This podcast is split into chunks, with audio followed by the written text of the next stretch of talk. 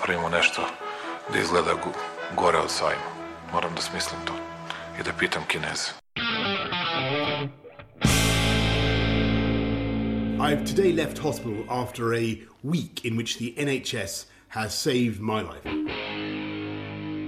Ne mogu da verujem da narod koji je preživao sankcije, bombardovanje, svakojako maltretiranje će se uplašiti najsmesnijeg virusa u istoriji čovečanstva koji na Facebooku postoji. And now I'm better and maybe I'm immune, I don't know. Dobro večer. Mene su poslali iz štaba. Ja ću vam pomoći. Aleksandar Kocić Jelena Viser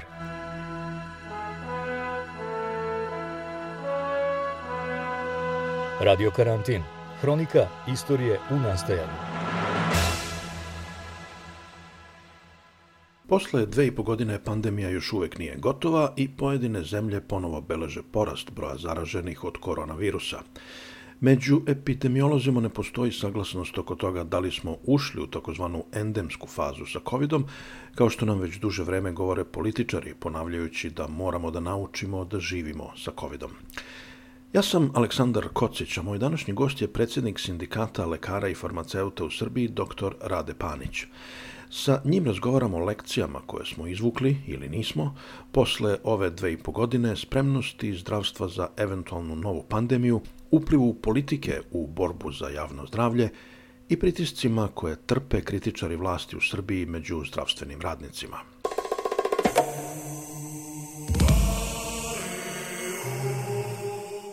Kakva je trenutno kod vas u bolnici situacija što se tiče COVID pacijenata? Pa dakle imamo COVID pacijenata, ali uglavnom na infektivnom odeljenju i to su, da kažem, manji broj. Oni koji su teži pacijenti, oni se šalju u više ustanove, konkretno sada u specijalnu bolnicu u Kruševcu. Jel može da se kaže da je Srbija izašla iz pandemije ili ne? Ne, ne, nikako recimo da, da trenutno situacija nešto mirnija, ali vidim da kolege neke, a i a, naši poznati analitičari i statističari prognoziraju da će u sledećih 10-15 dana ponovo broj novobolelih preći hiljadu, a to je već nešto što bi trebalo pomalo da nas zabrine.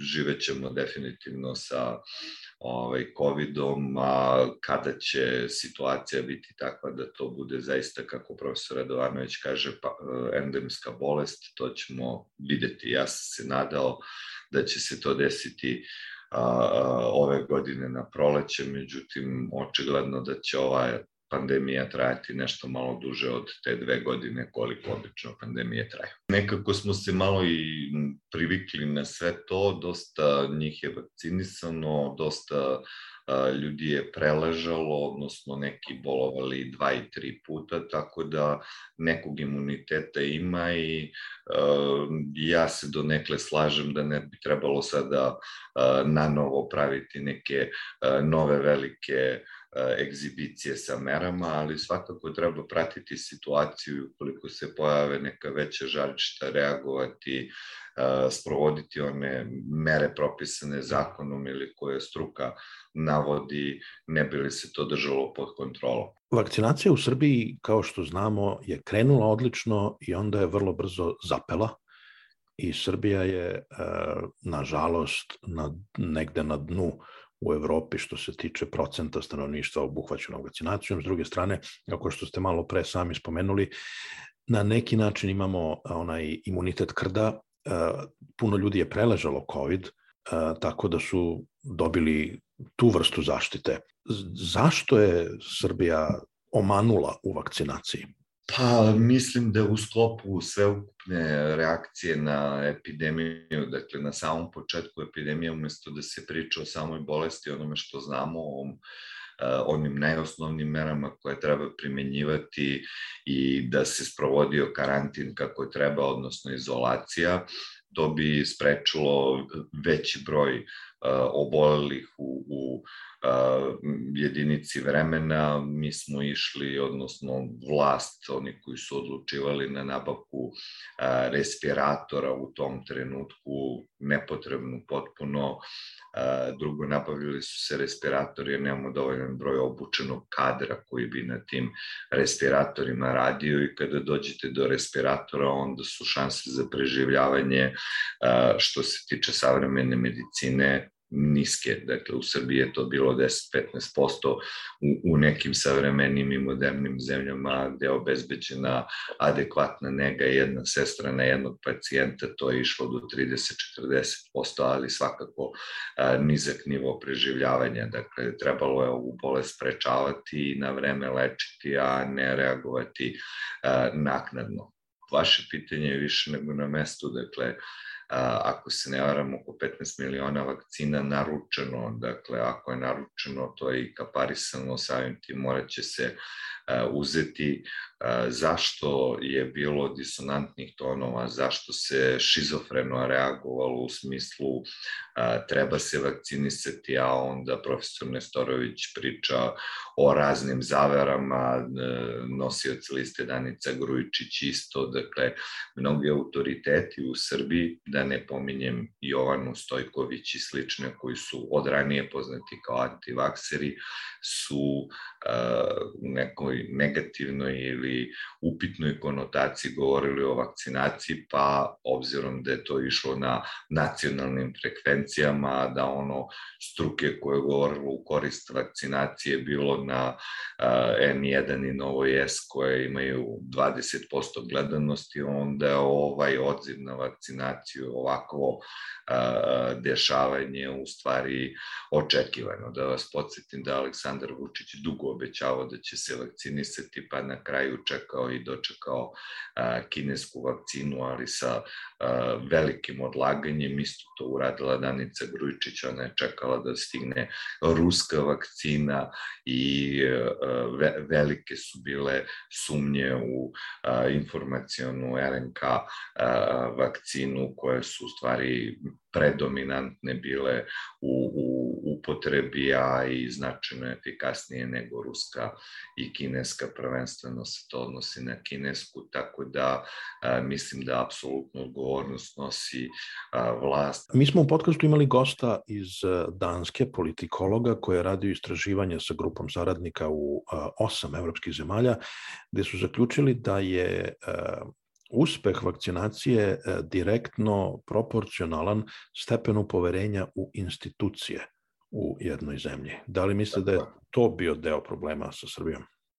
Apsolutno. Da se razumemo, i ja sam u jednom trenutku postavljao pitanje šta se dešava, jer su vakcine kineske u Srbiju stigle negde krajem decembra, ako se ne varam, a, a dozvolu za upotrebu, odnosno zvanično objavljenu dozvolu, smo videli tek u krajem februara, da, da vas ne lažem za tačan datum, tada je u službenom glasniku izašlo kako i na koji način je moguće vakcinu u Srbiji registrovati.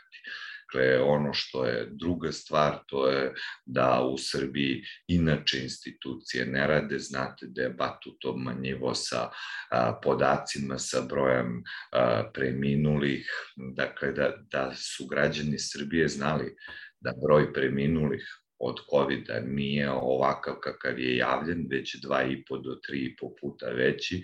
I sama ta činjenica bi ih naterala da se u većem procentu vakcinišu.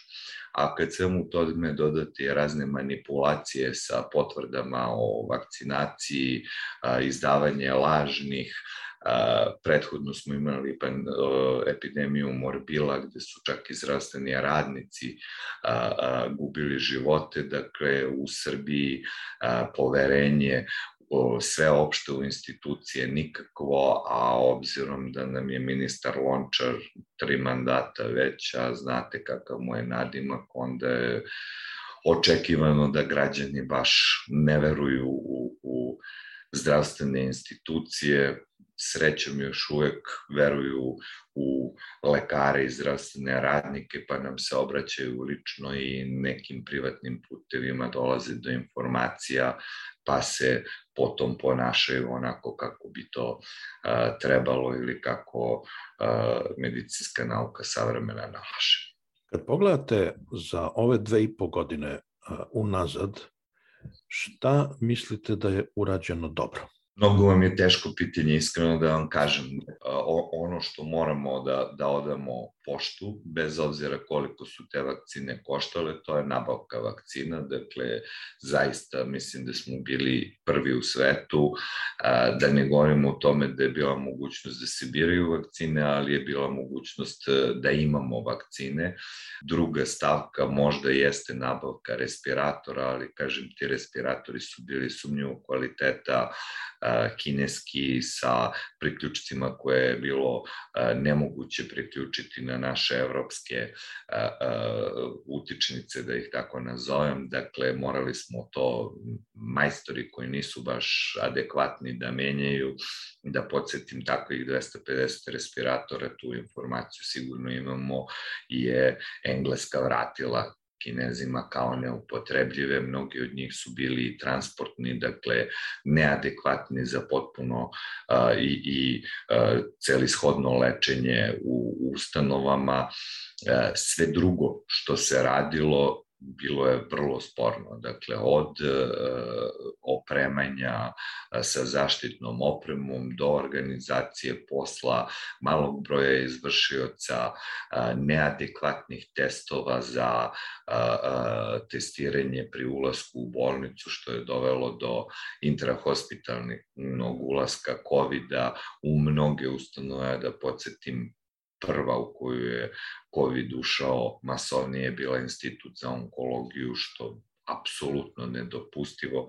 Da podsjetim da, ako se ne varam, devet trudnica izgubilo život tokom moje pandemije, to je za jedno moderno zdravstvo apsolutno neprihvatljivo i ono što imamo podatke 147 lekara i ko zna koliko još se stara medicinskih tehničara i ostalih zaposlenih u zdravstvu su uplatili životom ovu borbu a, a, za pacijente i, i protiv covid -a. Dakle, malo toga u Srbiji urađeno kako treba, a i ono što je urađeno kako treba u drugoj etapi upropašteno. Dakle, da smo imali masovnu vakcinaciju, onda bih na ono pitanje koje ste postavili da li je Srbija izašla, možda mogao da odgovorim i da jeste, mada svesni smo da a, vakcina na ove nove sojeve a, a, deluje značajno manje, odnosno manje imunitet nego što je to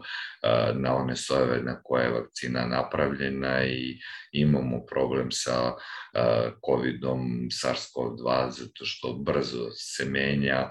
U kojoj meri biste rekli da je reakcija na COVID bila ispolitizovana? U, potpuno. dakle, glavna zamerka koju smo imali jeste da se pitala politika ili političari, a nije se pitala struka od toga da je bilo sporno da li postoji Republička stručna komisija za zarazne bolesti koja uz Institut za javno zdravlje Batut po zakonu o zaštiti stanovništva od zaraznih bolesti preporučuje ili ti naređuje ministru koje bi to mere trebali da donose, a ministar donosi te mere, a ne krizni štab i vlada, pa do, e, e, kažem, nedostatka opreme, e, do toga da se danas struka izjasnila da je neophodno da se uvedu mere, a sutra je premijerka izašla i rekla da ona ne veruje u mere i neće ih uvesti, da se išlo na to da se očuva ekonomija, a očuvanje ekonomije se svodilo na rad ugostiteljskih objekata, jednostavno novac je, čini mi se, u Srbiji od strane onih koji su na pozicijama da odlučuju upravljaju stavljen ispred zdravlja i života građana. Ako se ne varam, 21.000 manje starosnih penzionera od očekivanog broja, a preko 55.000 viška smrtnosti. Mislim da smo jedna od tri zemlje sa najgorim skorom kada se to uzme na 100.000 stanovnika. Sindikat lekara i farmaceuta Srbije, odnosno ja i dr. Kavešović smo podneli i krivičnu prijavu protiv premijerke i ministra. Nažalost, nema reakcije na to. Ja sam u službi za borbu protiv organizovanog kriminala predao i 150 potvrda o smrti iz kraljevačkog covid za dva meseca, kada je javljeno iz gradskog zavoda da je bilo 93 preminula, dakle 57 osoba preminulih je izbrisano gumicom na gradskom nivou, a dok to stigne do republičkog nivoa, onda bude još više. Šta vi vidite kao lekcije koje smo naučili iz ove pandemije? nisam siguran da smo naučili, ja ću vam reći šta smo trebali da naučimo, a to je da preventiva ili ti rad gradskih zavoda za javno zdravlje mora biti ponovo obnovljen. Nekada se u Srbiji, a i danas na početku godine odvajaju veliki novci u budžetu za opremanje, rad gradskih zavoda za javno zdravlje, ali se taj novac troši na nešto drugo, a ne ide zavodima. Mi smo, ja to često govorim na početku kao sindikat rekli da epidemija u stvari proverava funkcionisanje jednog društva Dakle, svaki pojedinac, institucije i celokupno društvo mora uh, u tom trenutku pokazati i empatiju i uh, uh, malte ne više brinuti za zaštitu drugoga nego sebe, jer tako što brine da zaštiti drugog, u stvari se brine i za sebe. Uh, videli smo da nedostaje solidarnosti, videli smo uh, da uh, i bogate države ne mogu da se izbore lako sa epidemijom i da trebamo ipak vratiti preventivu pre kurative, jer nikakvi lekovi, respiratori, niti šta drugo u toku ove epidemije nisu pomogli da se na vreme otkrila bolest, da se sprečilo njeno širenje, ne bi imali ništa od ovoga. U kakvom stanju je, u kakvom zdravstvenom stanju je trenutno zdravstvo u Srbiji posle dve i po godine pandemije? Pa da vam kažem, zdravstvo u Srbiji bilo loše i pre ovoga, dakle u lošem stanju. Sindikat lekare farmaceuta Srbije je rekao da će pandemija u stvari ogoliti sve one probleme koji već postoje, a uspevali su se prikriti u onom periodu pre epidemije. Nažalost, ministarstvo nije ni na ta naša upozorenja reagovalo na vreme, više se bavilo predizbornom kampanjom. Ono što je najveći goreći problem srpskog zdravstva, to je broj izvršilaca ili broj zdravstvenih radnika, zgrada imamo, ali unutra oprema koja je prilično izraubovana. Podaci od pre epidemije govore da 80% svih aparata, da su 80% aparata se nalazi u, u fazi da bi trebali uskoro da budu otpisani, 80% su izamortizovani primera radi u Kraljevu dugo tokom epidemije nije radio ni jedan od dva skenera, a, nismo imali mogućnost a, e, da pacijente koji su a, sa COVID-om snimimo na skeneru, odnosno da vidimo zaista kakav je stepen oštećenja pluća u poslednje vreme nedostatak i lekova još uvek ne toliko jasno javno vidljiv, ali među nama koji smo zaposleni se to zna. Ne bih rekao da je to samo u Srbiji, tako je, verujem, i u ostatku sveta postoji neki plan o racionalizaciji srpskog zdravstva do 2035. Belgijanci su radili projekat, Hrvati su bili konsultanti, a naš naled odobrio. Smatramo to jako lošim, jer će se nekih 300 zdravstvenih ustanova se spustiti na 110 ili 120 ukupan broj, šta pokušavaju poslodavci, pokušavaju da zdravstvene radnike koriste za rad u dve ili tri ustanove jer nemaju broj izvršilaca i pokušavaju da primarnu zdravstvenu zaštitu privatizuju, mete su im dobri poslovni prostori u kojima se nalaze domovi zdravlja, smanjenje troškova fonda, odnosno budžeta, prelazak velikim delom na finansiranje iz privatnog džepa, vas, zdravstvenih radnika, koji ste aktivni i kritičari ste vlasti, ima veoma malo. Koliko je teško biti aktivni zdravstveni radnik i uh, ukazivati na propuste uh, vlasti, biti kritičan prema režimu Aleksandra Vučića?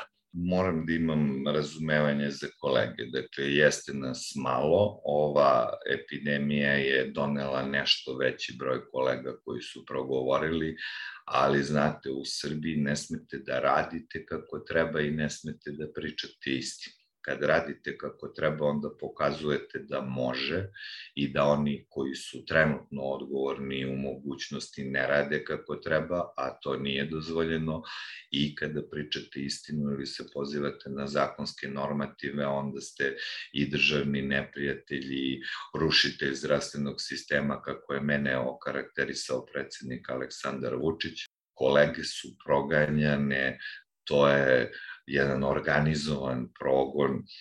Znate, kad meni u, u službi za borbu protiv organizovanog kriminala, gde ja u dva navrata po četiri sata dajem izjavu, gde su se svi skupili kažu mi mnogo vam hvala i, i mi ćemo ovo ispitati, ali nemojte očekivati da javno tužilaštvo reaguje. A tu ima u ta dva zapisnika sigurno 100 godina robije za razno razne Kada imate takvu situaciju, onda ne možete očekivati da će se pojedinci širom Srbije odlučivati da progovore, a kažem oni koji, koji se odluče često, ne često, nego uvek budu pod velikim napadima, a često su ti napadi takvi da prevazilaze ono što uh, jedan čovjek može da istrpi ili da iznese, a da to uh, nema baš velikog uticaja na njega i njegovu porodicu.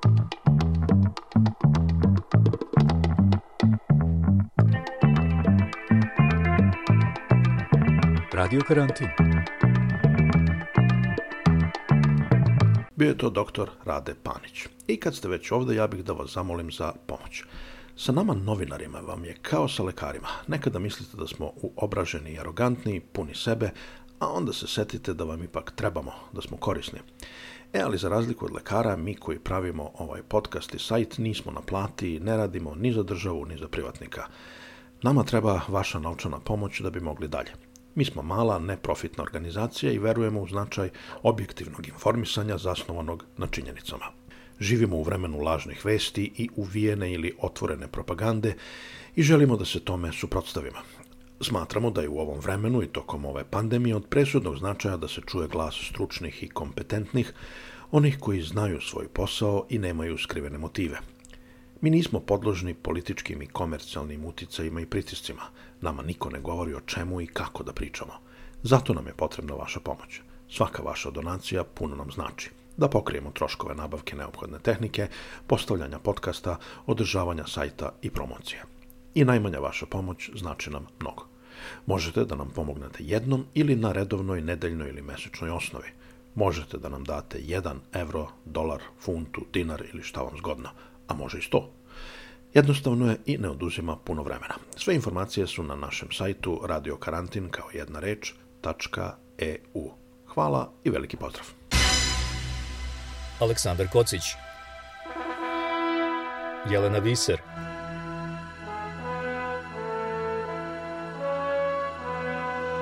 Radio Karantin.